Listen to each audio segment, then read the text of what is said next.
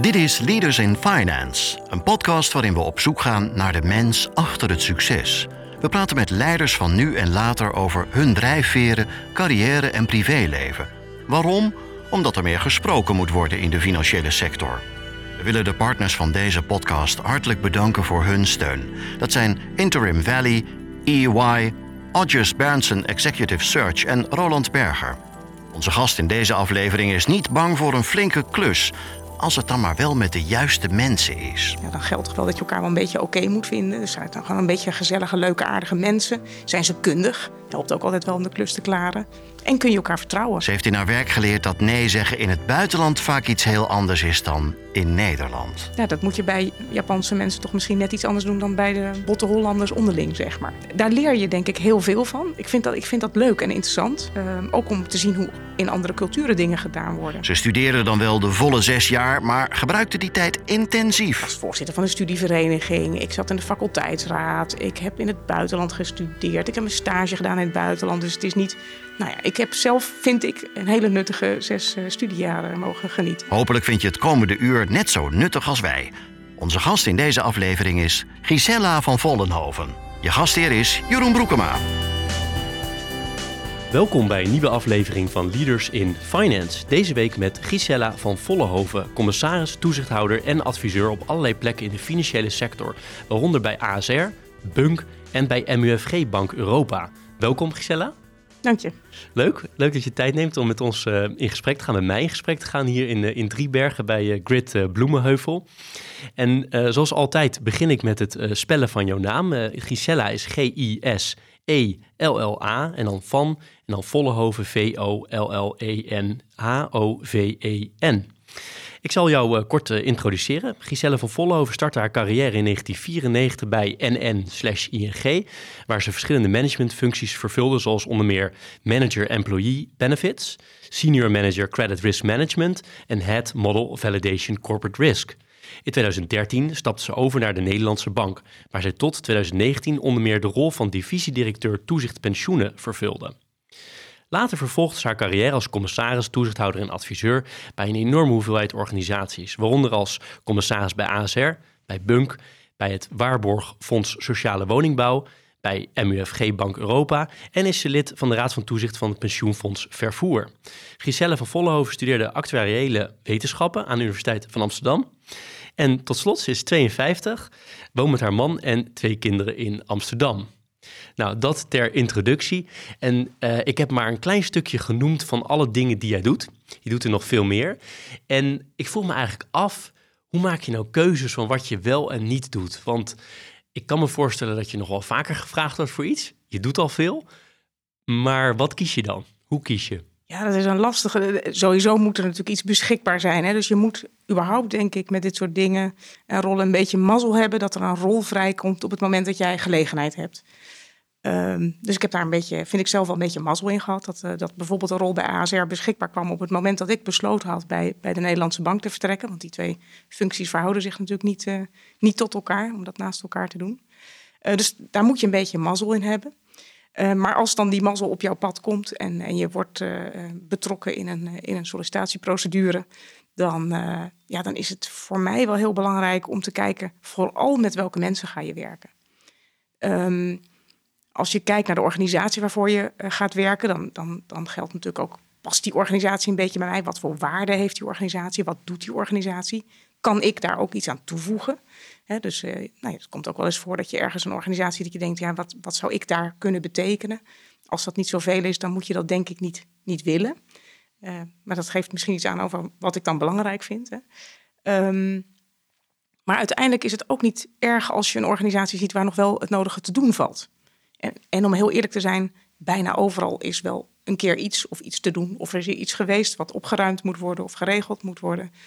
En daar ben ik niet zo bang voor. Dus als er ergens een klus ligt, dan is dat helemaal niet per definitie slecht. Maar is voor mij het team met wie je dat gaat doen ongelooflijk belangrijk. En daar gelden dan weer dingen in als... zijn het überhaupt een beetje leuke mensen om dingen mee te doen? Want ja, als je met elkaar energie hebt om, om iets te doen... Ja, dan geldt toch wel dat je elkaar wel een beetje oké moet vinden. Dus zijn het dan gewoon een beetje gezellige, leuke, aardige mensen? Zijn ze kundig? Helpt ook altijd wel om de klus te klaren. En kun je elkaar vertrouwen. En heb je dan ook wel eens dat je, want om daarachter te komen moet je gesprekken gaan voeren, lijkt mij. Ja. Heb je dan ook wel eens dat je na een tijdje denkt van ik heb een aantal gesprekken gevoerd en hmm, dit gaat hem toch niet worden? Ja. ja. En, dat klopt dus bij, bij bijna al die gesprekken, dat, dat, nou, ik denk dat bijna alle procedures wel bijna een half jaar duren. Hè, omdat je inderdaad zoveel gesprekken hebt met verschillende partijen. Ehm, overigens merk ik dan toch wel vaak op het moment dat ik denk, hmm, ik weet het niet, want daar begint het vaak mee, hè, voordat je nee zegt, dat de wederpartij dat vaak ook voelt. En dan is het ook een kwestie van wie zegt het het eerst. Dus het is me ook wel eens overkomen dat het andersom gezegd werd. Terwijl ik zelf ook al dacht, ik weet het niet. En toen werd de keuze voor mij gemaakt door de wederpartij die zei, nou wij, wij weten het wel, we denken dat dit hem niet is. En dat is ook oké. En als je kijkt puur naar de kwantiteit, is Mhm. het allemaal te managen, al die dingen die je doet? Nou, het is wel veel, eh, zoals je opmerkt. Er zijn natuurlijk regels in Nederland hoeveel commissariaten je mag, mag hebben. Overigens gelden daar ook dat een aantal types functies daar weer niet onder vallen. Ehm, maar tijdsbeslag is altijd een criterium wat ook aan je gevraagd wordt om daar iets over te zeggen. Ik snap heel goed waarom die regels er zijn inmiddels. Dus, eh, eh, ik denk, en ik denk dat dat goed is. Ik zit aardig vol qua werk. En dus dat is ja, je agenda heel goed managen, prioriteiten heel goed managen. Ehm, dat wil zeggen dat je nou ja, in, je, werk een aantal verplichte dingen hebt. Vergaderingen, je goed voorbereiden daarvoor. Maar er zijn ook dingen die meer onder de categorie, nou ja, aardig als je erbij kunt zijn, maar hoeft niet per se eh, vallen. Nou, daar kun je dan in, in, in veranderen. Ik doe af en toe een adviseursklus, maar dat doe ik natuurlijk niet als ik het heel druk heb. Dus ik moet ook zeggen, dat, dat is, was het eerste jaar heb ik daar nog wel wat tijd aan besteed. De laatste twee jaren eigenlijk heel beperkt. Dus nou ja, daar vind je de, de ruimte in, zeg maar. En voor de rest geldt eh, bij een aantal eh, raden van commissarissen wordt er s'avonds vergaderd. Dus je hebt eigenlijk een stretch van je werkdag, hè, waar je normaal gesproken dat ergens tussen nou ja, 9 en 5 of 8 en 6 organiseert. Eh, heb je vaak als commissaris ook nog 's avonds verplichtingen. Dus je smeert het ook wel uit over langere dagen. En tot nu toe zijn jouw functies volgens mij allemaal in Nederland, hè? Ja, dat klopt. Heb je wel overwogen ook om een internationale bank bijvoorbeeld te doen? Of?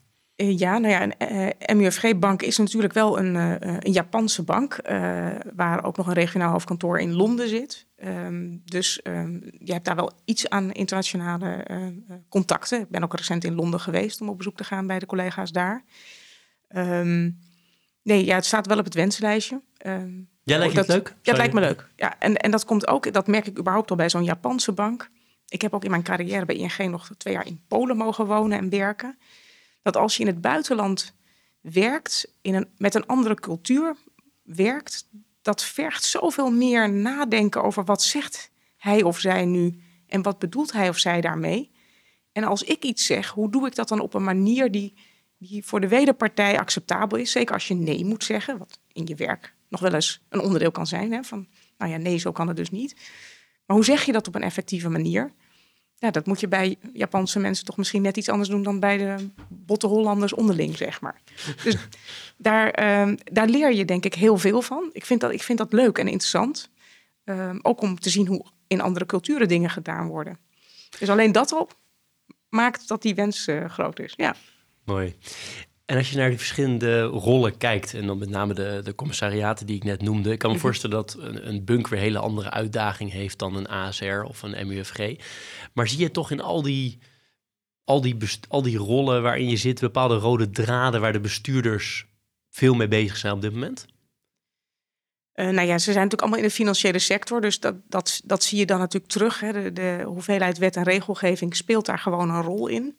Hoe doe je dat op een, eh, op een goede manier, maar ook op een effectieve manier? Ik ben denk ik wel een beetje van de school, als je het toch moet doen, doe het dan zodanig goed dat je er zelf ook wat aan hebt. Eh, en dat betekent dus ook verdiep je erin waarom deze wet en regelgeving voor ons van toepassing is. Ehm, dus dat kost veel tijd en aandacht. En dat moet je natuurlijk balanceren met je commerciële taken. Want uiteindelijk moet de schoorsteen roken. En eh, uiteindelijk een gezond bedrijf is een winstgevend bedrijf. Dus hoe zorg je dat dat naast elkaar kan? Dat je niet te veel tijd kwijt bent aan alleen maar eh, de compliance kant, zullen we maar zeggen. En nogmaals, die is ongelooflijk belangrijk, maar er moet meer gebeuren dan dat. Ik denk dat een ander thema is wat ons allemaal bezighoudt, is sustainability.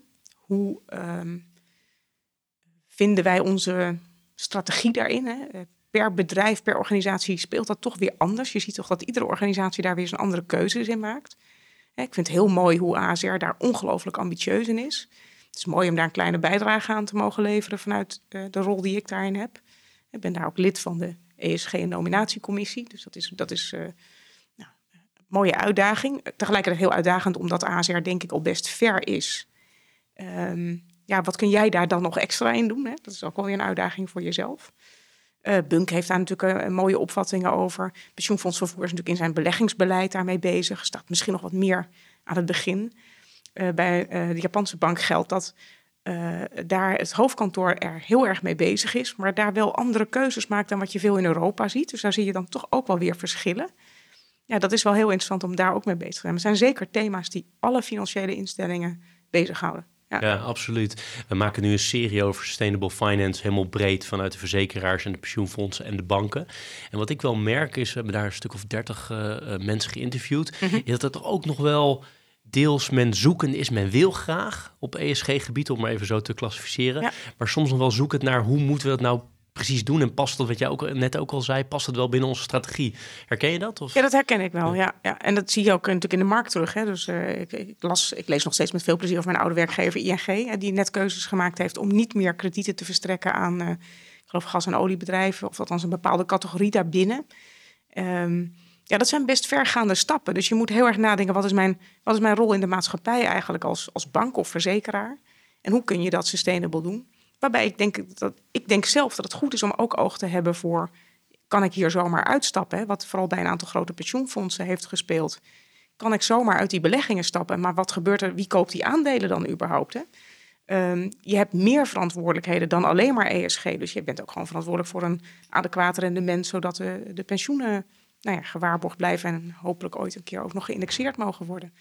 Dus ook daar geldt, het is heel veel balanceren. Ik denk dat dat een grote uitdaging is in de sector. Er, er moet heel veel, hè, dus er moet uh, commercieel, er moet gewoon winst gemaakt worden. Dat is voor een gezond bedrijf belangrijk.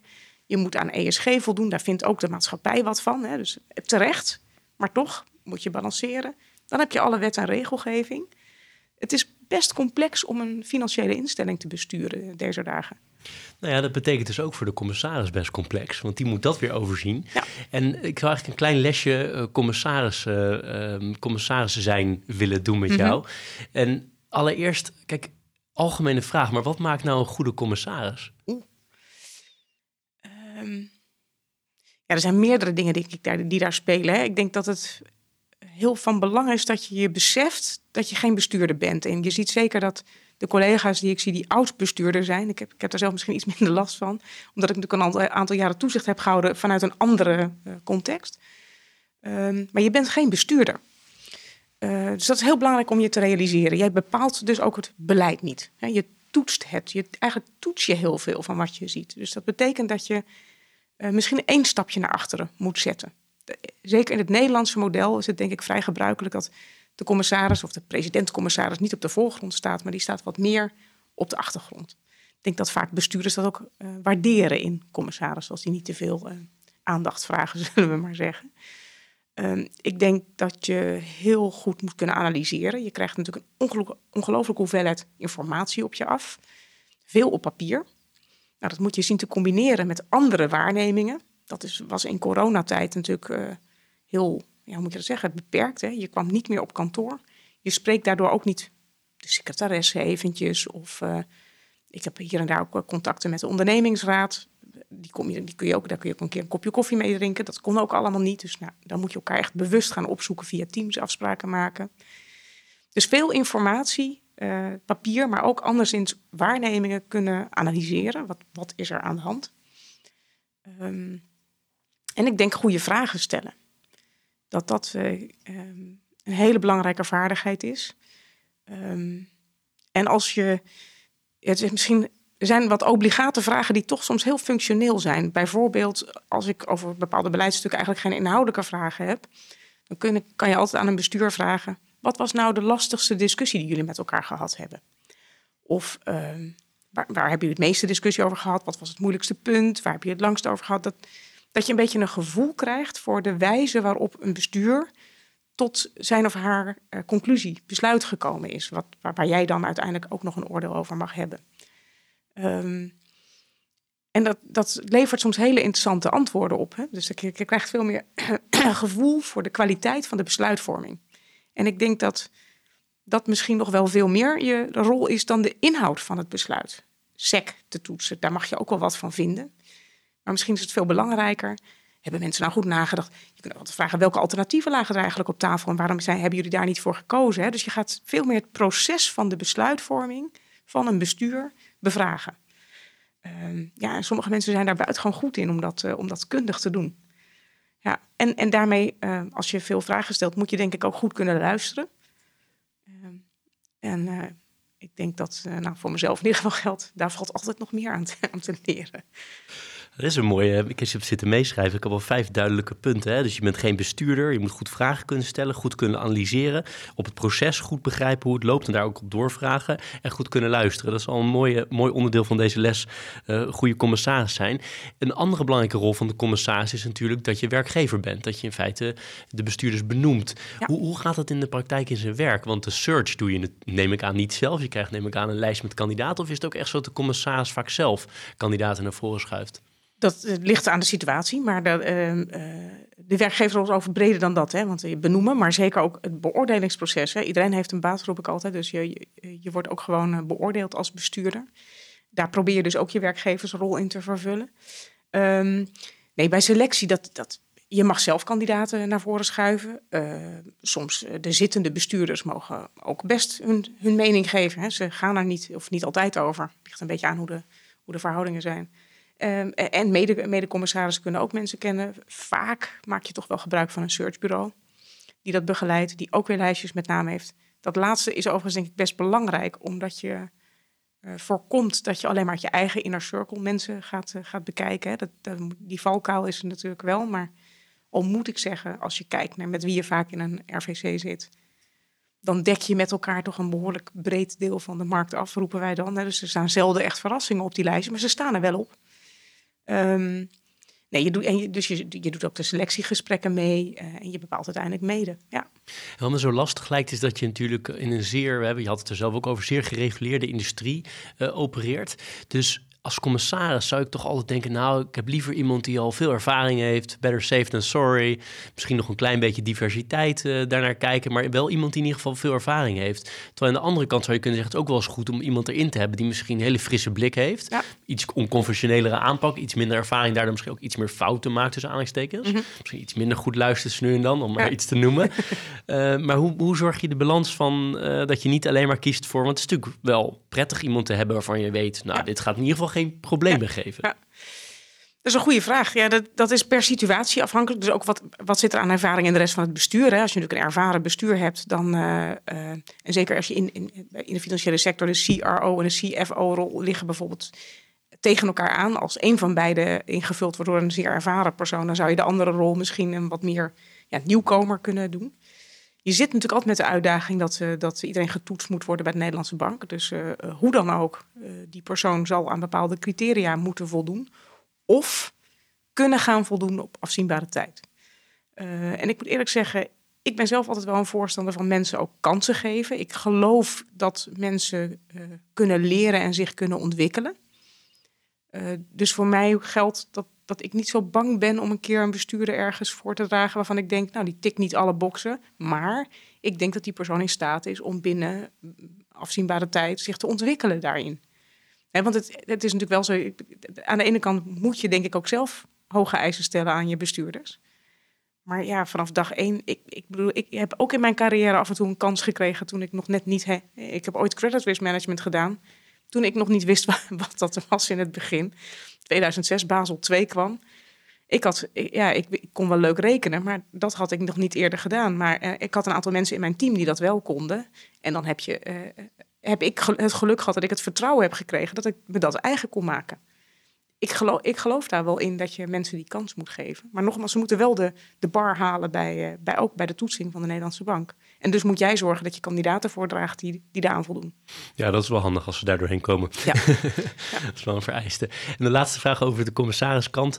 Uh, een hele simpele eigenlijk. Maar wat is nou het allerleukste aan die baan als commissaris? En wat is nou eigenlijk een beetje in de hoek van uh, corvée? Of wat je eigenlijk denkt, nou dat vind ik nou eigenlijk echt niet leuk aan de, aan de rol van commissaris? Jeetje, wat ik het leukste is dat je, uh, eigenlijk heb ik natuurlijk vijf parttime banen of, of, en nog een paar dingen daarnaast, hè, maar dat je dus bij hele verschillende organisaties mag werken. Wat mij allemaal op verschillende punten uh, uitdaagt of andere dingen van mij vraagt. en dat vind ik heel erg leuk. En ik leer ook zelf nog steeds heel veel van, van al die bedrijven waar ik zit. En ik denk als het één bedrijf is, is dat minder makkelijk. Ja, en de ontzettende hoeveelheid mensen die je dus ook tegenkomt vanuit die verschillende rollen. En wat lopen er toch ontzettend veel leuke en interessante mensen rond in onze sector. Dus dat is dan een groot plezier om mee te mogen werken. Dus dat is het leukste. En je vroeg. En wat niet leuk is? Niet leuk. Ja, zo zie je altijd. Vergeet ik zo'n vraag. Ik weet niet of er veel niet. Ik moet heel veel zelf doen. In het verleden was ik erg verwend met een, uh, een secretaresse bijvoorbeeld. Het klinkt echt heel ouderwets nu, geloof ik, wat ik ga zeggen. Maar um, ja, dat heb je in deze rol niet. Alhoewel natuurlijk wel bij ieder bedrijf waar je zit, de er secretariële ondersteuning is voor de dingen die je daar doet. Maar je eigen mailbox bijhouden, je eigen afspraken maken, dat uh, facturen schrijven. Dus die administratieve kant van, uh, van, van de dingen. Um, zeker als ik het druk heb, ja, dan, uh, dan, dan, nou ja, dan stapelt zich dat wat op. Vind ik, vind ik lastig. Dat is ja. een beetje het corvée. Nou, misschien ja. toch een part-time PA op een bepaald moment. Ik heb Emma, die, die vind ik helemaal geweldig. Dus ik zou het je zeker adviseren. Dit is Leaders in Finance met Jeroen Broekema.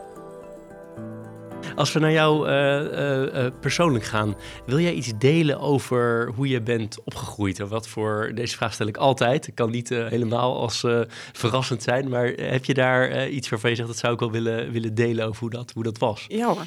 Dat is niet zo heel spannend, denk ik. Ik kom uit een gezin met drie meisjes. Dus ik, heb een, ik ben de middelste, een zus en een zusje. in een dorpje opgegroeid, Rijnzaterwoude, bij het Braasemermeer al van de Rijn. Um, het was een ja, hele bescheiden jeugd. Mijn vader was broodbezorger. Nou, dat bestaat niet eens meer als vak, denk ik. Dat is onderdeel van de bakkerij? Nee, nee, nee, hij was zelfstandig. Dus hij kocht zelf brood in en had vaste klantenkring waar hij zijn brood verkocht. Uh, zoals je de melkboer vroeger ook aan de deur had. Maar dan, uh, maar dan met brood. Um, dus het, ik heb nog ook in mijn jeugd uh, vaak op zaterdag mijn vader mogen helpen. Dus eigen ondernemer dus? Eigen ondernemer, ja. zeker. Ja. Was dat, ging ja. het ook met pieken en dalen of was het gewoon vaste Zeker. klantenkring altijd? Uh... Nou, wel een vaste klantenkring, maar er zijn wel jaren geweest dat het minder ging. Dus de, de oliecrisis was ook bij ons thuis wel, uh, wel merkbaar dat dat een slechte periode ook voor mijn vader was. Want hij verkocht natuurlijk brood, nou ja, dat heeft iedereen elke dag nodig, maar ook koekjes en, en, en, taartjes. Ja, dat laatste, dat is natuurlijk een stuk minder als het slecht gaat. Hè? Dus, en daar maak je de grootste marge op. Dus nee, dat was, dat was altijd wel duidelijk. Um, en mijn moeder was huisvrouw, um, dus heel ja, gewoon bescheiden gezin. Um, mijn moeder vooral en mijn vader, moet je dat zeggen, steunde dat wel. Was altijd wel heel erg van de kans op een goed leven heb je meer als je een goede opleiding hebt. Dus mijn moeder had snel door, denk ik. En mijn ouders hebben nooit de kans gehad om, om zich op te leiden. Hè. De huishoudschool van mijn moeder was gewoon een verplicht nummer. Mijn vader moest van de MULO af omdat hij moest gaan werken. Um, dus ze hadden wel door dat, dat een opleiding genieten, dat dat een groot voorrecht was. En hebben dus ons, uh, mij, mij, en mijn zussen altijd gestimuleerd om te leren. Dus wij gingen ook naar het VWO. Nou, dat vond eigenlijk de, de, de basisschool vond dat onzin voor meisjes. Moet je nagaan, zo lang is het nog niet geleden, hè? maar meisjes, waarom zouden die dat doen? Ja, mijn moeder... Je bent 52 dus. Daarom, hè? dus dat is bizar eigenlijk. Hè? Maar dat werd, dat, werd, eigenlijk raar gevonden. Maar goed, wij, wij gingen dus uh, alle drie naar het VWO. Uh, en daarna ook studeren. Nou, dat was ook wel, uh, ik denk dat wij de eerste in de, in de hele familie waren die dat, die dat gingen doen. Dus daar heb ik wel een beetje mijn eigen pad in, in moeten zoeken. Mijn ouders hebben altijd heel hard gewerkt. Dus ik denk dat ik dat ook wel een beetje mee heb gekregen van, van huis uit. dat, ja. Dus waren waarschijnlijk ook heel trots dat jullie alle drie naar het VWO konden. Zeker, ja. ja. En jij ging de, de, de, de rekenkant op, zeg ja. maar. Je zussen ook? Nee, nou ja, uh, mijn oudste zus is uh, accountant geworden en, en heeft ook Nijrode gedaan. Dus ondernemend, maar ook met cijfers. Mijn zusje is in eerste aandacht pilote geworden, dus heel wat anders. Ja. Oh, wauw. Oh, wow. Dat is wel inderdaad wat anders. Ja. Ja. En qua, qua sfeer bij jullie thuis, hoe omschrijf je dat? Jeetje, ja, hard werken wel. Uh, dus ook op school. Uh, en serieus. Hè? Dus ik, ik denk dat mijn ouders wel vrij, uh, vrij streng waren. Als ik bijvoorbeeld op school liep te kletsen en ik moest nablijven, dan waren mijn zussen eerder thuis. Dus dat wist mijn moeder dan al. Maar dan was het niet zo van, nou, dat is ook vervelend dat de juf dat tegen je heeft. Nee, dat was, je zal het wel verdiend hebben. Dat was altijd wel vrij pittig. Ziek zijn was er ook nooit bij. Wel, nee, je kan gewoon... En dat, ik moet eerlijk bekennen, dat is eigenlijk nog steeds zo. Alhoewel ik ook wel afgelopen periode last heb gehad van corona. Dus het werkt niet helemaal zo. Maar ziek zijn, dat was er al vroeger eigenlijk niet bij. Gewoon werken. Mijn vader moest natuurlijk ook altijd werken. Als je niet werkte, dan verdiende je niet. Dus uh, Dat was toch een beetje wel de houding. eh. dus wel vrij, eh, vrij strak en... eh, En hebben jullie ook tegen dingen afgezet? Jullie drieën? niet zolang ik eigenlijk thuis woonde. Dat ik, ik, ik heb geloof ik niet heel erg gepubert. Ja, toevallig had ik daar gisteren met mijn moeder over of wij veel gepubert hadden. Want ik heb nu zelf pubers thuis die eigenlijk best meevallen als pubers zijnde. Ehm, nee, niet echt. Wel, toen ik ben gaan studeren. Toen, eh, in, in, in onze tijd van studeren mocht je natuurlijk over je vier jaar studie... mocht je zes jaar doen qua studiefinanciering. Ik heb daar ruim gebruik van gemaakt, van die mogelijkheid. Nou, daar begrepen mijn ouders helemaal niks van. Als je toch in vier jaar kon afstuderen, waarom deed je dat dan niet? Dus daar is wel echt een, eh, een fase gekomen. Dat ik misschien ook meer zelfkeuzes ben gaan maken in mijn leven. Wat ik zelf belangrijk vond. Dus ik heb ook, ik heb die tijd denk ik niet weggegooid. Hè? Alhoewel ik ook wel de nodige tijd in de kroeg heb gestaan. Maar ik, ik was voorzitter van een studievereniging. Ik zat in de faculteitsraad. Ik heb in het buitenland gestudeerd. Ik heb een stage gedaan in het buitenland. Dus het is niet... Nou ja, ik heb zelf, vind ik, een hele nuttige zes eh, studiejaren mogen genieten. Ja, Maar waarom ging je in Amsterdam?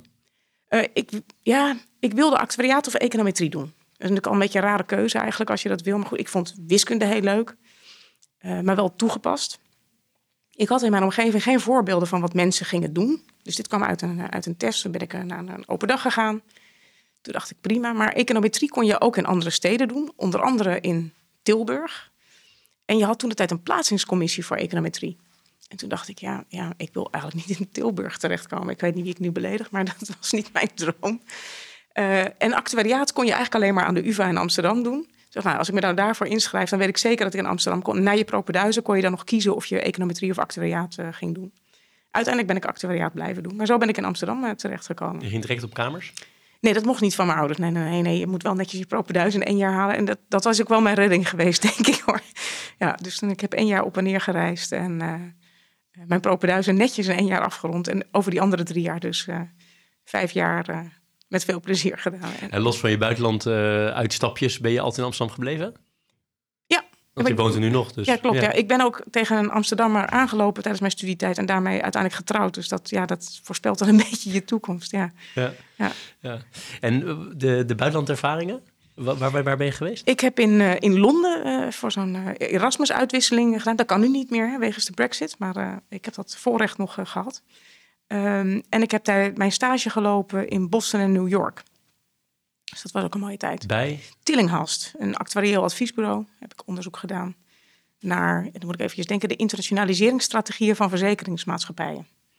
Dus eh, eh, hoe vooral Nederlandse verzekeringsmaatschappijen hun internationaliseringsstrategie vormgeven. Ja, sprak Maar- Amerika je aan om daar te wonen? Nee. Ik zit te denken waarom niet. Want Boston is natuurlijk ook al wel best wel Europees hè, qua, qua, qua stad. En New York is natuurlijk een idiote stad waar het tempo waanzinnig hoog ligt. Ja, dat is, dat is wel waanzinnig. Nee, maar die mentaliteit is wel heel hard. Ik bedoel, ik ben niet heel soft, denk ik, maar dat is wel weer heel. eh, ja, nee. En hoe kwam je uiteindelijk in dat, eh, in dat traineeship terecht van, eh, van ING, volgens mij? Moeten Ja. we het noemen of ING NN? Maar Je- ja, ik, toen ik ging afstuderen, ik wist eigenlijk tijdens mijn studie al, ja, ik vind die studie wel interessant, maar ik vind mensen ook leuk. Ik vind, ehm, hè, daarom vond ik ook dat zo'n studievereniging en eh, de faculteitsraad, ja, dat, dat vond ik eigenlijk ook hele interessante dingen. Dus ik wist wel dat ik iets van een combinatie zocht van, van inhoud met, met dat. En toen kwam op een gegeven moment, je, je had toen de tijd allemaal van die, van die open dagen en, en workshops en dingen. Zo kwam ik ook in contact met ING. En ik zag dat ze daar een traineeship hadden en daar heb ik me uiteindelijk voor, voor aangemeld. En ben door de selectie gekomen. Ja, op een gegeven moment is het ook maar gewoon, denk ik, in het leven een keuze maken en iets gaan proberen. En nou ja, als het niet bevalt, roep ik altijd, dan kun je op enig moment, als je het echt geprobeerd hebt, ook iets anders gaan doen. Uiteindelijk ben ik 18 jaar bij ING gebleven. Ehm, toen de tijd was ING natuurlijk en Nationaal Nederlanden en, en de banken. Dus dat was net na de fusie van de NMB Postbankgroep met, eh, met Nationaal Nederlanden. Eh, En het idee van de traineeship was ook echt dat je bank en verzekeraar zou doen. Ik geloof dat in die end van onze traineegroep maar een beperkt deel echt, echt substantieel bank en verzekeraar heeft gedaan. Maar ik heb dat, dat geluk wel, eh, wel gehad eh, bij ING. Ja, en als, als trainee heb je natuurlijk eh, ongelooflijk veel voordelen. Hè? Dus voor je netwerk, zowel onderling als trainees, maar ook je wordt meteen in contact gebracht met de directie en dat soort dingen. Dus daar heb je natuurlijk enorm veel mazzel mee. Ehm, je krijgt veel meer opleidingen aangeboden. En je, je maakt wat sneller, denk ik, stappen dan de meeste mensen zullen doen. Of je, je wordt daartoe natuurlijk ook gestimuleerd eh, in, je, in je carrière. Ehm, ja, ongelooflijk voorrecht om, uh, om te mogen doen. Dus ik heb heel veel verschillende plekken binnen ING uh, en in Nederland mogen zien. Dus van Nationaal Nederlanden, dat waren de grootzakelijke pensioencontracten. Ehm, bij Postbank heb ik, nou, het merk bestaat niet eens meer, maar Postbank Verzekeringen gedaan als product management. We waren toen de tijd de grootste reisverzekeraar van Nederland doorlopende reisverzekeringen geïntroduceerd. Dat bestond niet. Vroeger had je alleen maar één op één. Hè? Als je drie weken ging, dan, dan moest je je voor drie weken verzekeren. Nou, het is niet meer weg te denken, het product. Maar Postbank was toen de allereerste die dat introduceerde. Dus nou, mooie tijd gehad daar, mooie kansen gehad. Toen in, uh, in Polen.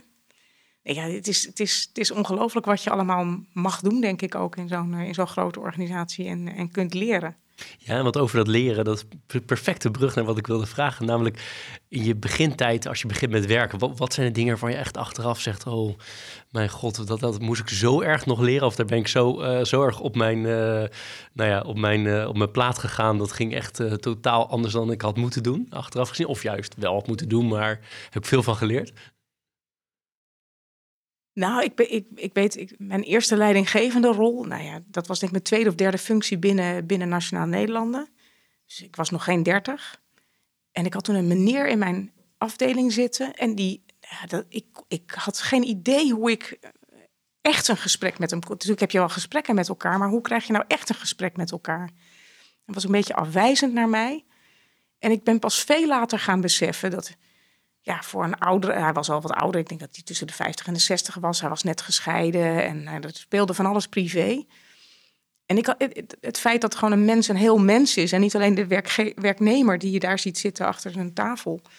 Um, en dat jij ook een heel mens bent. En dat ze daar een beeld van hebben, ondanks dat dat misschien jou niet altijd recht doet. Maar mensen hebben wel een beeld van jou. Um, ja, dus dat investeren in dat contact en de ander willen begrijpen ja, daar ben ik denk ik in een aantal rollen in het begin wel echt te snel aan voorbij gegaan.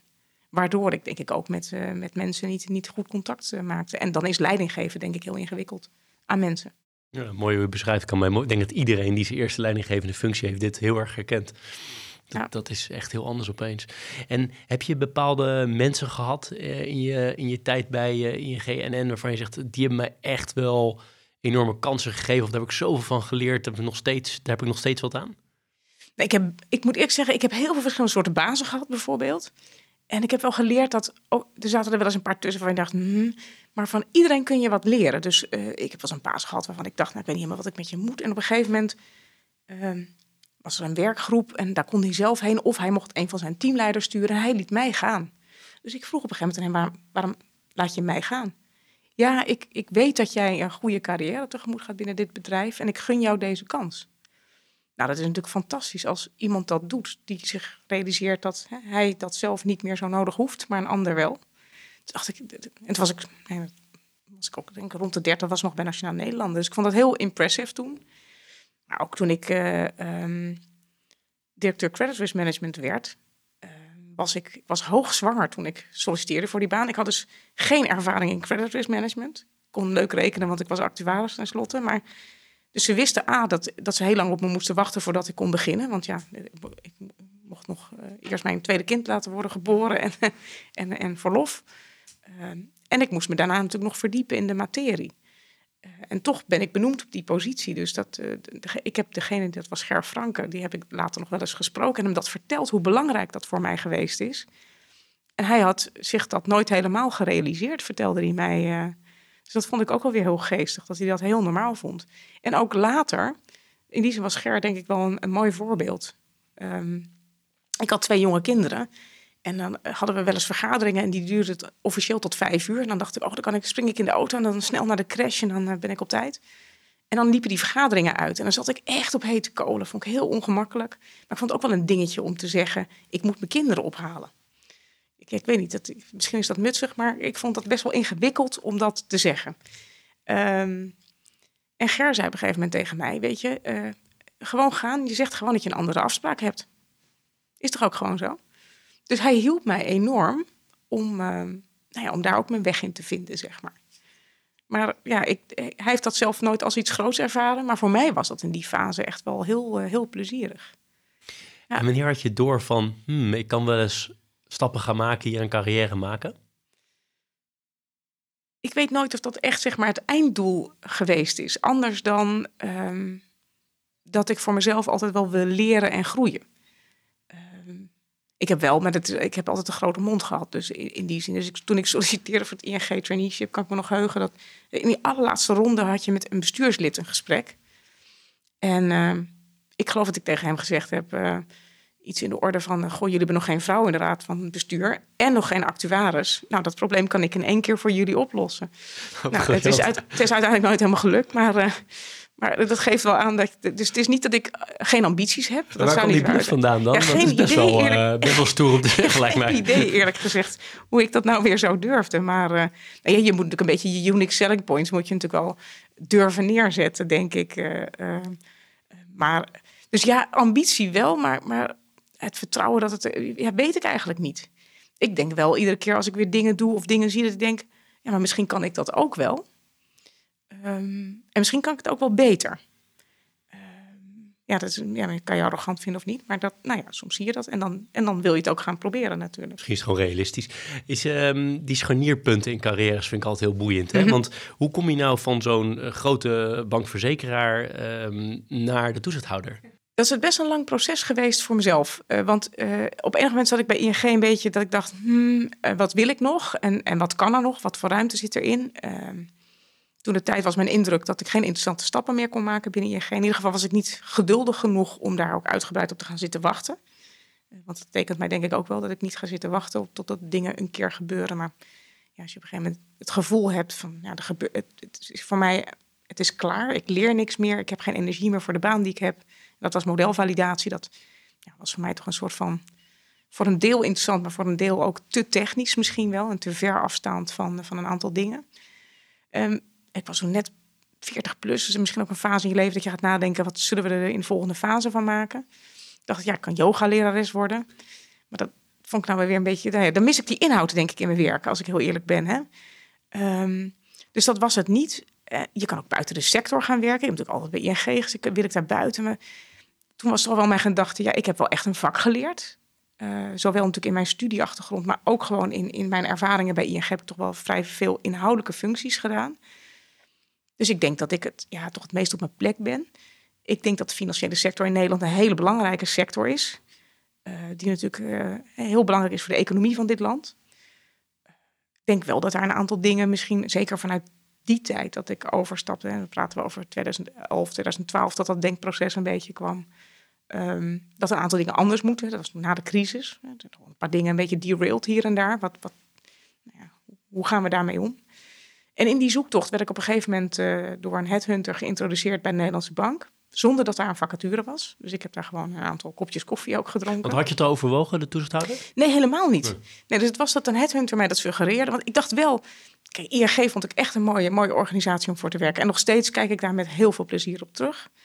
Toen dacht ik, ja, wordt het leven nou interessanter, beter, mooier als ik naar de Rabo ga of naar ABN AMRO ga of naar een grote verzekeraar. En het leek me eigenlijk meer van hetzelfde, maar dan qua cultuur anders. En dan was ik misschien toch wel heel erg al ING geworden qua cultuur. Dus het leek me ook nog qua, ja, nou gaat, dat, gaat mij dat wat opleveren? Dus dat was niet direct mijn gevoel.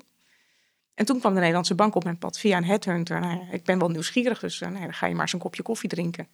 En dat beviel eigenlijk wel. En, uh, en, en dat was wederzijds. Dus dan ga je weer verder kopjes koffie drinken. En op een gegeven moment zeiden ze, nou ja, misschien wil je wel op onze longlist komen voor, voor afdelingshoofd. Dan kunnen we je benaderen als er vacatures zijn. Toen zei ik, nou dan wil ik wel eens een paar afdelingshoofden spreken. Dan heb ik een beetje het gevoel, zijn dit, zijn dit nou mensen die ik als mijn collega zou kunnen zien? Um, nou, ook weer hele leuke gesprekken mee gehad. En zo zijn er op enig moment, uh, ben ik op het lijstje gekomen dat er af en toe vacatures langskwamen. En toen kwam er eentje langs. Pensioenbeleid, pensioen- en verzekeringsbeleid. Toen dacht ik, nog, dat is wel een hele mooie. Ook omdat dat natuurlijk niet direct in het verlengde lag van het werk wat ik bij ING deed. Want dat is dan toch wel ingewikkeld, vind ik eerlijk gezegd.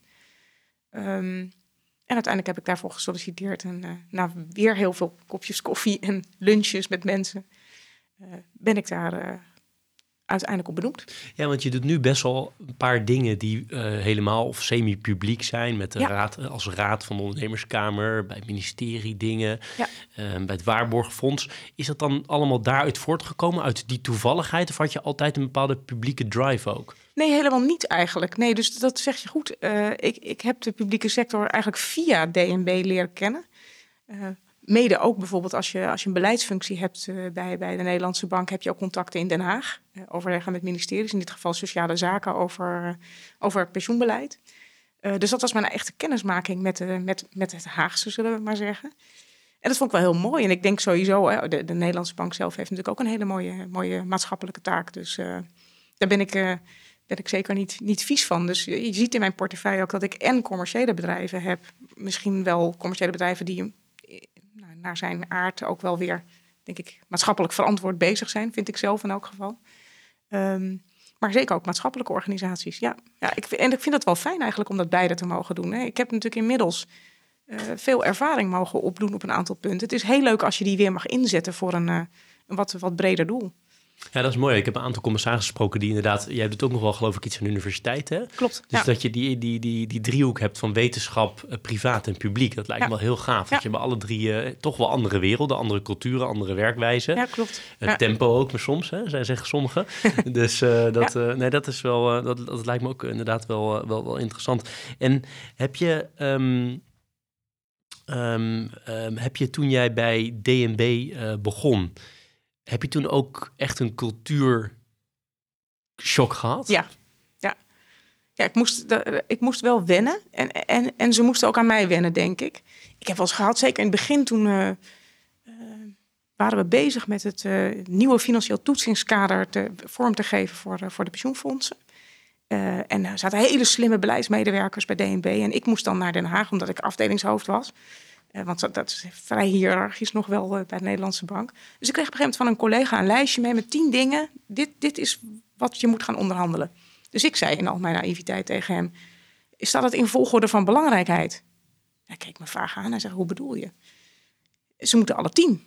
Ik zeg: Nou ja, zo werkt het volgens mij helemaal in het leven dat je altijd alles krijgt wat je vraagt. Hè. Dus uh, misschien uh, is het toch handig als we een soort uh, volgorde aanbrengen van als ik ergens op moet toegeven, waar dan liever wel en waar dan liever niet. Nou, dat, was, dat zat al helemaal niet in hun denken.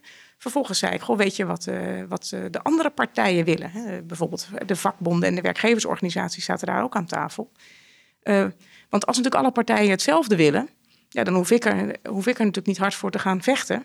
En dan kan ik mijn gevechten zeg maar, doen op de punten die echt. Uh, wist hij ook niet, had hij totaal niet over nagedacht. Dus, dus hele slimme, echt werkelijk. Ik heb met zulke slimme mensen daar gewerkt. Maar nadenken over hoe onderhandel je en wat wil een andere partij. En dan heeft het, ik heb natuurlijk ook wel commerciële functies in het begin gehad. Ja, dan ben je natuurlijk veel meer over dat soort dingen ook aan het nadenken. Dus ik vond het wel fascinerend dat je hele slimme mensen kunt hebben, maar die dan bijvoorbeeld over dat aspect niet nadenken. Maar zij vonden het heel raar dat ik dat vroeg. Dus dat was echt even zoeken met elkaar van hoe, uh, hoe werkt dat. Dus je verstaat elkaar bijna letterlijk niet als je niet uitkijkt. Je luistert naar Leaders in Finance met Jeroen Broekema. Het andere scharnierpunt wat dan komt, is dat je vanuit toezicht, uh, vanuit een bedoel dan uh, regulatory toezicht, gaat naar commissarisrollen en uh, meer non-executive rollen, advies, adviesfuncties. Had je niet zoiets van, ik ga terug naar de sector, maar dan ergens in de raad van bestuur? Ja, had gekund misschien. Ja.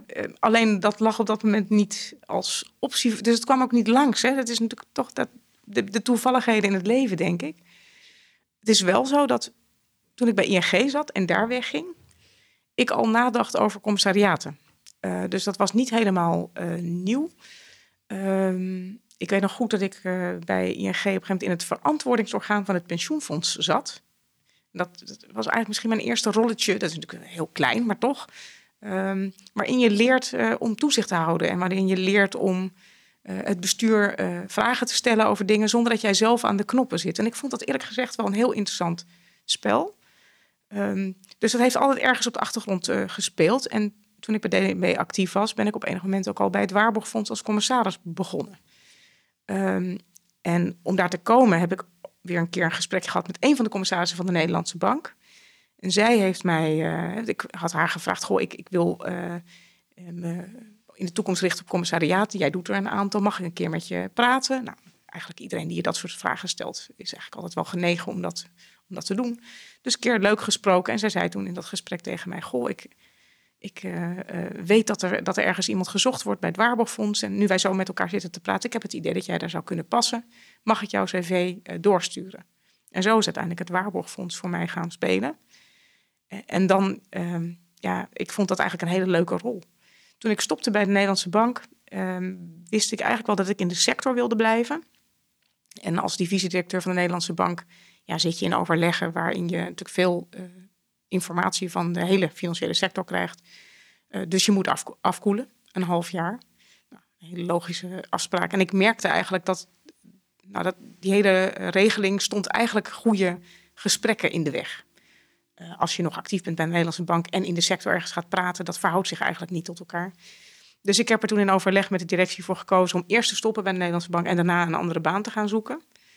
Um, en eigenlijk vrij kort nadat ik bij de Nederlandse bank had opgezegd en nog in mijn afkoelingsperiode zat, uh, kwam ASR op mijn pad. Dus ja, en, en toen wist ik, als ik nu kies voor de rol van RFC-lid van ASR, dan teken je eigenlijk voor een bepaald type carrière.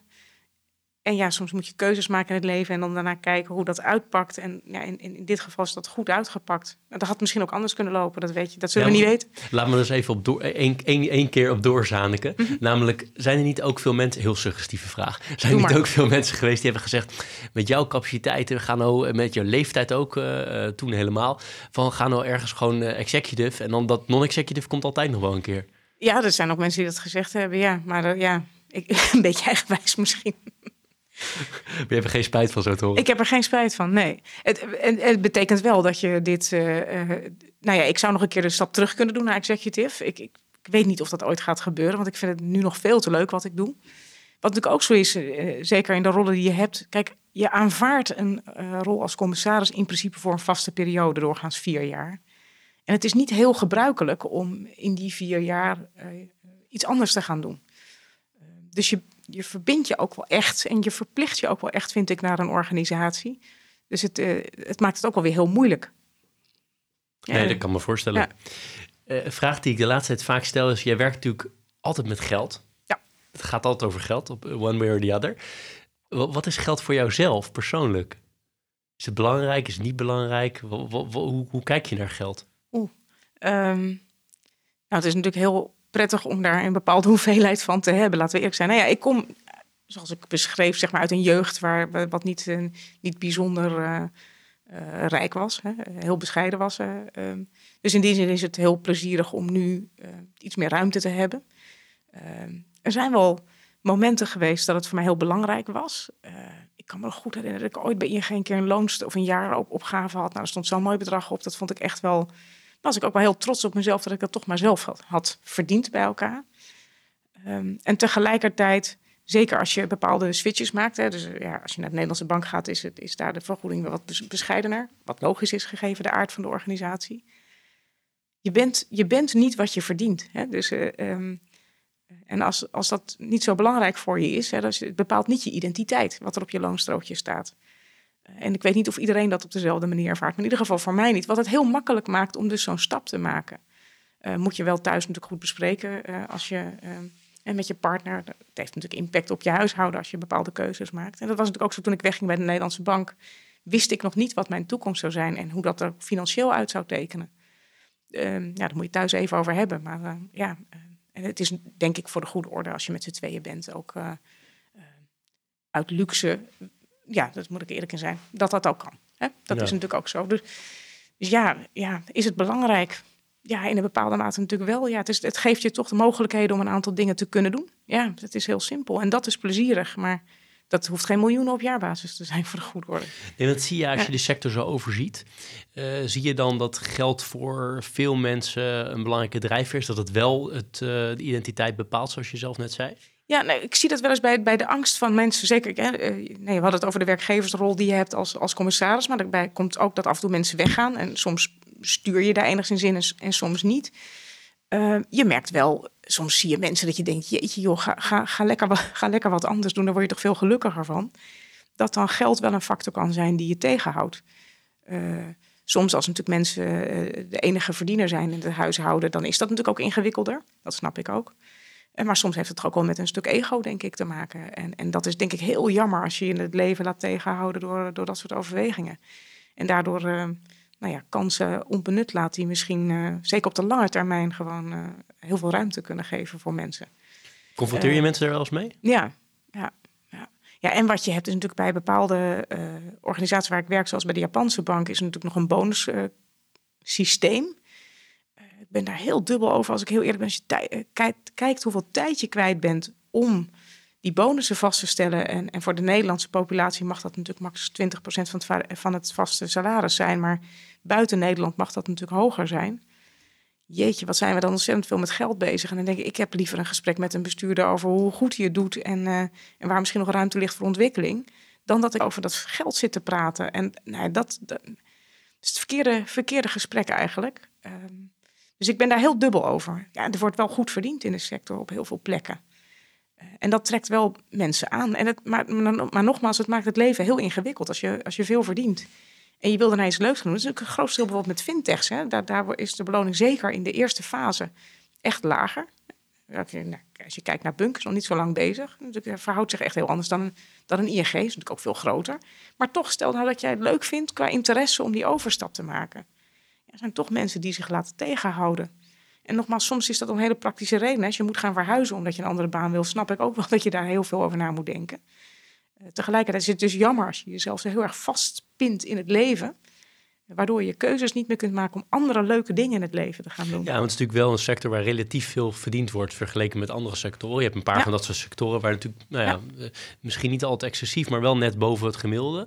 En daardoor kan je ook afvragen of het dat soort mensen soms aantrekt, waarbij die dat echt heel, heel belangrijk ervaren. Dat, uh, ja. We hebben ook altijd een uh, pleaser en een teaser. Um, eerst de teaser. Ik heb opgeschreven, uh, het gaat over het onderwerp waar we het eerder ook toevallig al over hadden, klimaat, ESG's. jij bent daar veel mee bezig, um, heb je aangegeven. Dat las ik ook in de, in de voorbereiding. Mijn teaser is, ja, we doen het in Nederland uh, heel goed als je kijkt, uh, uh, als je kijkt wereldwijd. We lopen met heel veel, heel veel dingen voorop, zeker aan de asset management kant, waar heel veel, heel veel dingen doen, pensioenfondsen, verzekeraars, hoe zij beleggen, hoe ze daar keuzes in maken. Maar toch is de teaser, we zijn niet echt succesvol in de financiële sector als het gaat om onze bijdrage aan het tegengaan van bijvoorbeeld klimaatverandering of het verlies aan biodiversiteit of welke andere ESG-norm dan ook? Oeh, ik denk dat er heel veel beweging is, maar er moet ook nog heel veel gedaan worden. Dus ik kan dat niet helemaal met je oneens zijn. Maar er is veel beweging. Ik denk dat het een worsteling is voor veel bedrijven hoe ze, zich dat, hoe ze, hoe ze dat moeten vormgeven. Ik denk dat daar de grootste worsteling in zit. Um, ja, het is niet zo makkelijk. Maar ligt eens toe, uh, nou, ik denk eh, afscheid nemen van bepaalde klanten is bijvoorbeeld een hele lastige. Dus uh, um, nou ja, als je veel in de auto-industrie financiert en bepaalde automerken, bedrijven gaan niet mee in meer elektrisch bouwen, wat, hoe doe je dat dan? Maar ook hele platte dingen over zonnecellen. Dus je stimuleert bijvoorbeeld een verduurzamingshypotheek zonnecellen. Maar wat nou als die uit China komen, uit de gebieden waar Oeigoeren wonen? En dan? Er komen er heel veel vandaan namelijk. Dus je moet, het is ook, ja, het is soms ook wel gewoon, het is wel heel, het is lastige materie, het is weer bastige materie. Data is echt nog een issue als het gaat om verduurzaming. Zowel van banken zelf, denk ik. Uh, bijvoorbeeld als je zelf in, uh, heel veel vastgoed hebt als zekerheden in je, in je boeken. Weten we hopelijk inmiddels allemaal wel wat voor klimaatlabel dat heeft in Nederland. Maar het is gewoon zelf weten in je eigen datahuishouding, maar ook de datahuishouding van partijen waarmee je gaat werken. Nou, er komt nu steeds meer wet en regelgeving over, taxonomieën. Ik weet niet of die altijd helpen, maar in ieder geval helpt het om daar meer uniformiteit te krijgen. Maar als je kijkt, vooral als je in ketens gaat kijken, bedrijven, maar waar kopen zij dan weer in en wat doen zij daar dan? Dat is best nog wel complexe materie om daar inzicht in te krijgen. Grote bedrijven hebben het denk ik makkelijker. Als je met grote andere bedrijven werkt, die zijn denk ik ook het verst maar ja, alle kleine bedrijven die in jouw keten zitten, moeten uiteindelijk ook mee in dat soort datavoorzieningen. Dus er is nog heel veel werk te verzetten ook. Het is, het is, er komt veel meer bij kijken dan, uh, dan dat je denkt. Uh, en als laatste, uh, ik zie dat bedrijven veel doen, maar wil je dat ook in formele zin rapporteren, dan moet alles auditable zijn. En ook dat stelt weer heel veel eisen aan de doelstellingen die je hebt, maar ook kun je bewijzen dat. Ehm, ook nog niet zo makkelijk. En uh, dus er gebeurt soms meer dan dat je in een jaarverslag alleen kunt zien. Ja, want uh, nog één vraag. Je hebt natuurlijk uh, een echte rekenaar. Je hebt de, de, de auditervaring en de, de ervaring um, uh, aan de riskkant. Als al die assets, ehm, of het nou financieringen zijn of obligaties mm. of andere assets, vastgoed, um, die echt in de hoek zitten, die niet bijdraagt aan, aan het voorkomen van klimaatverandering. Als Nederlandse beleggers, hè, natuurlijk toch de grootste, een van de grootste beleggers ter wereld, die allemaal gaan dumpen, heeft het nou echt effect? Nou als je ze dus kwijtraakt, koopt iemand anders. Hè? Dus dat is, dat is denk ik al een, een begin van hoe je daarover moet denken. Uh, en wordt daar dan de wereld beter van? Wat soort, als dat partijen zijn waar je veel minder politieke grip op hebt. Uh, China, om maar eens wat te noemen. Of uh, richting Saoedi-Arabië, et cetera. Wordt denk ik al heel complex. Hè? Dus wil je dat? Hè? Dus je geeft ook, als je aandelen wegdoet, als we praten over, over Shell bijvoorbeeld. Geef je ook zeggenschap weg over bedrijven en invloed weg. Ja, dus in die zin had ik wel heel veel sympathie, of heb ik sympathie voor de stelling die PGGM of PFZW heeft, als het gaat over uh, beleggingen in oil en gas. Ja, engagement is misschien toch nog echt wel heel belangrijk. Dan denk ik wel dat je de verantwoordelijkheid moet hebben om te laten zien wat je doet aan engagement. En daar hebben misschien pensioenfondsen ook niet altijd helemaal, moet je zeggen, heel veel over gecommuniceerd. Misschien wel gedaan, maar niet over gecommuniceerd. Dus er is ook nog wel veel te zeggen voor engagement, vind ik. Ehm, want ja, als je het wegdoet, heb je geen zeggenschap meer en hebben andere partijen dat wel. Daarmee is het dus nog niet weg. Ehm, het is denk ik ook dus een actie die niet alleen moet komen vanuit beleggers. Dat moet ook vanuit de overheid komen door regulering, et cetera. Dus daarin ehm, ja, moet je denk ik elkaar doen. Wat niet wil zeggen dat je moet gaan zitten wachten tot de regulering komt. Hè. Dat is altijd jammer als partijen daarop gaan zitten wijzen. Dus je kunt zelf dingen doen. Want uiteindelijk lijkt het wel, een soort van tweede stelling, maar mhm. het lijkt er wel op dat jouw vorige werkgever, de Nederlandse Bank, toch een van de allersterkste drivers is van deze hele transitie, ja, of niet? Klopt. Ja, vond ik ook heel leuk toen ik daar werkte om daar een rol in te mogen vervullen. Dat noemde ik altijd de leverage die je, die je hebt als, als toezichthouder. Um, dus je kunt het natuurlijk in je eigen. Dat geldt voor veel bedrijven. Dus de kunst denk een beetje als je denkt over duurzaam. Je kunt altijd je eigen bedrijfsvoering denken. Maar dat is een beetje. Dat is een soort van ja, hygiënische voorwaarden inmiddels zou je zeggen. Dus over je eigen reisbeleid, je uh, leaseauto's, uh, de koffiekopjes. Hè, dat, dat soort evidente dingen. Je eigen gebouw waarin je werkt, et cetera. Daar zijn we allemaal wel heel ver in, denk ik, in het, in het denken. Maar die is wel heel gemakkelijk. Maar vervolgens is het wat, wat voor business doe jij en wat kun je daarin doen? Maar heb je ook vanuit de business die je doet weer leverage? En een toezichthouder heeft dat natuurlijk op, op de financiële instellingen. Maar financiële instellingen hebben dat natuurlijk wel weer op hun klanten. met wie doe jij zaken eh, of niet? Um, nou, mogen banken ook niet zomaar klanten weigeren. Maar je hebt natuurlijk wel invloed op met wie je wel of niet zaken wil doen. Dus nou ja, dat is natuurlijk interessant om daar gebruik van te maken, denk ik. Dat voorrecht eigenlijk wat je hebt. Helder. Aan de pleasende kant uh, lees je graag. Laat ik daar eens mee beginnen. ik, ik, lees veel, ehm, maar ik lees natuurlijk voor mijn werk ongelooflijk veel. Hè. Dus het, het nadeel van, ja, misschien is dat ook wel de corvée, en dat mag je geen corvée noemen. Je goed voorbereiden op vergaderingen is essentieel, maar daar hoort ook wel heel veel lezen bij. Um, dus ik vind het lastig om als ontspanning ook nog heel veel te lezen. Dus dat zijn dan toch eerder de, makkelijke magazines die ik nog wel eens pak. En als ik dan al lees, um, is dat vaak non-fictie. Dus boeken over de sector of... Uh, noem, eens noem eens een titel. Als je, als je die zo paraat hebt. Nou, een van de boeken die me het meest is bijgebleven, die ik uh, afgelopen periode gelezen heb, is, is Factfulness van Hans Rusling. Uh, die is zo interessant. Dat gaat toch weer over data en, en gegevens en hoe je kunt kijken naar de wereld. En, en wat hij doet, is toch een stukje objectiveren, zoals ik het zou beschrijven, van uh, data en gegevens. Dus in een wereld waarin fake news, denk ik, ook groot is hoe je op een, op een goede manier uh, ja, door verhalen heen kunt prikken, door, op basis van goede gegevens. Ik vind dat wel een hele belangrijke ook. Lezen. Dus die geef ik ook nog wel eens aan mensen cadeau, bijvoorbeeld. Ja. Er zijn ook wel mensen die zeggen, ik ken het boek ook, die zeggen ja, het is iets te optimistisch. Je kunt ook uit data allerlei dingen halen die je graag wil. Tuurlijk, ja, maar dat is altijd zo natuurlijk hoe dat kan. weet ik niet of dat zo is eigenlijk. Nee, nee heb ik, had ik zelf geen last van toen ik het boek las. Maar misschien hou ik wel van een beetje optimisme. volgens mij ben je ook wel een optimist, toch? Niet? ja, ja, ja, klopt. Ja. Mooi. Ik, uh, ik had nog staan, uh, wat ik uh, alle honderd en zoveel gasten nu gevraagd heb, is tips voor starters op de, op de arbeidsmarkt. En ik heb al in de voorbereiding gelezen dat jij een aantal keer hebt gezegd, vaar je eigen koers. Dus daar ben ik benieuwd naar, maar heb je ook nog meer tips voor mensen die nu beginnen in de financiële sector? Ja, zorg dat je heel veel leert. Hè? Dus zorg dat je in een omgeving terechtkomt waar, je, waar leren gestimuleerd wordt. En dat kan op meerdere manieren. Um, ik heb eigenlijk heel veel geluk gehad bij bedrijven te mogen werken waar altijd veel ruimte was om, om opleidingen te volgen. Dus ik heb ontzettend veel naast na mijn studie nog aan opleidingen mogen doen. Hè. Variërend van hardcore inhoud tot uh, op INSEAD management trainingen mogen doen, et cetera. Uh, nou, wat, wat, bij je past, hoop ik dat mensen dat, uh, dat kunnen doen. Niet alle bedrijven zijn daar even ruimhartig in. dus dat gun ik mensen heel erg. Dus zorg, zorg dat je bij een organisatie zegt waar dat mag. Maar ook leer je heel veel van andere collega's. Dus ja, als je bij een organisatie kunt werken waar heel veel slimme mensen werken, dan is dat natuurlijk fantastisch. Dus dat, is toch wel een beetje. Dan is denk ik een klein bedrijf soms ook wel wat lastiger als starten dan een wat groter bedrijf, waar vaak de pool van kennis uh, groot is. En het derde is, ja, de mensen moeten ook wel die kennis willen delen. Dus het moet ook wel een organisatie zijn waar, nou ja, waarvan je hoopt dat je toch een soort van collega's treft die het ook leuk vinden om aan jou tijd te besteden. En, en dat daar echt ruimte voor wordt gemaakt. En dan heb je toch wel eens bedrijfsmodellen waar je natuurlijk als jongeling uh, vrij snel projecten wordt ingezet en heel hard mag werken, maar ruimte voor je eigen ontwikkeling wat beperkt is. Dus daar, uh, ja, daar moet je scherp op zijn. En voor de rest geldt gewoon lekker ergens beginnen, een paar jaar flink je best doen. En als je denkt, dit is het niet meer, ja, dan, ja, dan is op een gegeven moment is het ook niet erg om op een gegeven moment een keer iets anders te gaan doen. Wat wel zo is, is iedere keuze die je maakt heeft consequenties voor latere dingen. Hè? Dus het is uh, het is niet helemaal zonder prijs, zullen we maar zeggen. Dat en daar worden mensen denk ik heel zenuwachtig van, uh, het begin van hun carrière. Dat je heel constant ja. realiseert van, als ik even op dit ja, soort path dependency, als ik even op een bepaald pad mm -hmm. zit, dan zit ik erop vast. Ja, dat weet ik niet. Want ik heb natuurlijk in mijn carrière wel te horen gekregen, ben jij nou een bankier of een verzekeraar of wat ben je nou eigenlijk? Ja, ik, dat weet ik eigenlijk ook niet, eerlijk gezegd. Daar heb ik geen antwoord op.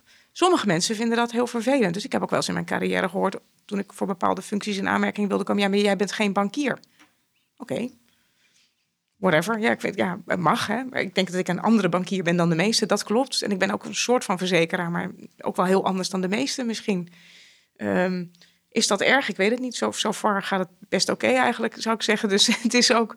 En dat, maar dat is ook weer niet. Dus iedereen moet daar denk ik ook een beetje zijn eigen weg in, in, in, in zien te vinden. Maar het is natuurlijk wel zo dat al alle dingen die ik in het verleden gedaan heb, hebben opgeteld tot wat ik nu doe. Dus daarom zeg ik, het heeft negatieve en positieve prijs, zullen we maar zeggen. Ja, ja. En ik introduceerde deze vraag aan de hand van vaar je eigen koers. Ja. En daar wil ik nog even over vragen. Kijk, ik, ik denk dat, dat iedereen dat er mee eens zal zijn. Maar als je in het begin van je carrière staat, hoe leer je? Wat zijn, heb je handvatten om je eigen koers te varen? Met andere woorden, je eigen koers varen, dat klinkt heel goed. Ja. Ik denk dat iedereen het daarmee eens zal zijn, maar hoe doe je het? Ja, af en toe misschien toch dat stapje terug even maken. Hè. Ik denk dat, uh, dat je zeker als je jong bent, word je heel snel meegenomen en opgezogen in de vaart der, der dingen die er gebeuren. En dan helpt het om soms even dat stukje naar achteren te maken. En uh, nou, dan hoop ik dat mensen ook gezegend zijn met een omgeving die ze daar soms in helpen. Dus soms heb je een partner die, die gewoon die vraag aan je stelt. Hoe vind je het eigenlijk, dit werk? Doe je nu een half jaar? Hè, die je dan dwingt eigenlijk om daarover... Nou, vrienden die je hebt die die vraag stellen. Of misschien je ouders die die vraag aan je stellen. Um, ja, die stap naar achteren maken is denk ik helpvol. Want, want het is heel moeilijk om te weten wat je eigen koers is. Want het is natuurlijk heel menselijk om gewoon mee te gaan met collega's, dingen die er gebeuren, et cetera. Uh, gewend te raken aan, aan wat je verdient, hè, waar we het eerder over hadden. Uh, dat is heel menselijk. Dus die stap naar achteren maken. En je kunt hem ook nog spiritueler invullen, zo je wilt. Hè? Dus je kunt ook zeggen, uh, ga af en toe eens op een retraite of op een, op een bergtopje zitten twee dagen zonder, zonder ja, het is nog best wel moeilijk hè, om te achterhalen van waar je nou echt... Uh, ik heb het in een eerder interview waarbij Jort Kelder met mij in gesprek ging, hadden we het daar ook over. Toen zei ik, ja, soms dan zat ik in oppositie en dacht ik eigenlijk dat ik het heel erg naar mijn zin had. Maar later kwam ik op een andere positie en dacht ik achteraf, terugkijkend, had ik het wel zo erg naar mijn zin. Ja. Het is best lastig. Ja. Mensen zijn natuurlijk ontzettend goed in zichzelf voor de gek houden. Dat dus, klopt, dat klopt. Ja. Hey, even richting, uh, richting, de, richting de afronding uh, werkende. Ook altijd jammer, maar goed, moet toch ergens een beetje naar die afronding toe. Um, ik heb opgeschreven, jij reist heel graag. Dat vind je heel leuk. Heb je nog een bepaalde bestemming waarvan je zegt, ben ik nooit geweest, maar zou ik echt heel erg graag een keer heen willen? Oeh, nou, ik hoop dat Tokio binnenkort kan, want daar ben ik nog niet geweest. Uh, dus werktechnisch natuurlijk ook, dat moet wel ook, natuurlijk ook aardig gekeken. Ja. Um, ik had met mijn zoon eigenlijk afgesproken dat we de Trans-Siberië Express zouden gaan doen. Maar dat, dat is even niet aan de orde, uh, vrees ik. Dus we moeten iets anders leuks uh, gaan verzinnen samen. Nee, er zijn nog zoveel plekken op de wereld die ik niet gezien heb. Nee, dat ik denk dat ik een oneindige... Ik zou wel echt serieus een keer een mooie treinreis willen maken. Ja. En dat komt omdat ik eigenlijk stiekem een beetje... Hè, dus in de, we hadden het straks over lezen ik kijk stiekem wel heel graag tv. En dan vooral uh, uh, op BBC First heb je al die Engelse crimies, et cetera. vind ik heel interessant en, en aardig. Ook zo'n zo'n puzzel die je moet oplossen. Dus dat daagt ook nog een beetje uit. En dan vind ik eerlijk gezegd Agatha Christie's ook alweer heel, heel aardig. Dus uh, die kan je dan mooi in de trein lezen. Jammer van dit Trans-Siberisch Dan kan je, zit je wel even in de trein, vijf dagen of zo. Dus, uh, En in Nederland, wat vind je zelf in Nederland een hele mooie plek? Alles aan zee vind ik fantastisch. Uh, de Veluwe is mooi om te wandelen. Zuid-Limburg, heb je het voordeel dat je ook nog heel lekker eten hebt. Ja. Dat is een goede combinatie. Hoe blijf je mentaal en fysiek fit? Hoe doe je dat? Um, nou, ik heb nu weer iets meer tijd om te sporten. Um, ook omdat ik natuurlijk wat flexibeler werk. Uh, uh, dus ik sport vrij veel. Wat doe je dan? Uh, doe aan yoga en pilates. En ik zwem buiten. In een zwembad. Niet, ja, sommige mensen zwemmen buiten in het open water, ook in de winter. Dat, zo erg is het niet, maar het is wel een buitenbad. Ja. En wat ik doe me meteen denken aan een eerdere gast, Robin de Jong van ABN AMRO. Die duikt elke ochtend om zes uur duikt hij in zijn tuin. Ja. water aan grenzen, ja. duikt hij erin en eruit. En dan zegt hij, begin ik heerlijk aan mijn dag, zegt hij op, op de podcast. Dus uh, ja. Nee, leuk. Um, allerlaatste vraag. Um, heb je nog iets waarvan je zegt, dat had ik heel graag willen benoemen of willen zeggen of willen delen? Nee, niet echt. Het is een mooie sector. De financiële sector is een mooie sector om in, in te werken. Waar ik ook dankzij zeg maar, de, de stappen die ik de afgelopen paar jaar weer heb gezet, heel veel nieuwe mensen heb leren kennen. Of mensen die ik van een afstand wel kende, maar beter leren kennen. En het valt me toch altijd weer op hoe ontzettend veel goede en leuke mensen er, er werken en die ik weer mag tegenkomen. Kijk, dat, nou, dat zal de, de, de gemiddelde luisteraar komt uit de financiële sector, denk ik. Ik denk wel 90%. Die zal het leuk vinden om te horen. Ik ben het helemaal, helemaal met je eens. Um, ik, ik ga jou uh, bedanken uh, met een uh, klein cadeautje. Ik wijs er nu, ik wijs er nu naar van, van Bocca Coffee, een B Corp gecertificeerd bedrijf. Um, en ontzettend leuk hoe open je dit gesprek eh, met mij gevoerd hebt. Heel veel dank daarvoor. Ik ben erg benieuwd uh, welke uh, nou, waarschijnlijk non-executive rollen je nog meer gaat uh, vervullen. Klinkt alsof er ook wel een keer een hele internationale grote top, topverzekeraar of topbanken bij gaat zitten in de toekomst. Ik ga dat volgen en nogmaals ontzettend bedankt. Dankjewel. Graag gedaan. Dit was Leaders in Finance. We hopen dat je deze aflevering met veel plezier hebt beluisterd. We stellen je feedback erg op prijs. Wat houdt je bezig en over wie wil je meer horen? Laat het weten via een Apple of Google review. Dat kan ook via de sociale mediakanalen of direct met een e-mail. We kunnen het enorm waarderen als je dat doet. Tot slot danken we onze partners voor hun steun. Dat zijn Interim Valley, EY, Odgers Benson Executive Search en Roland Berger. Bedankt voor het luisteren.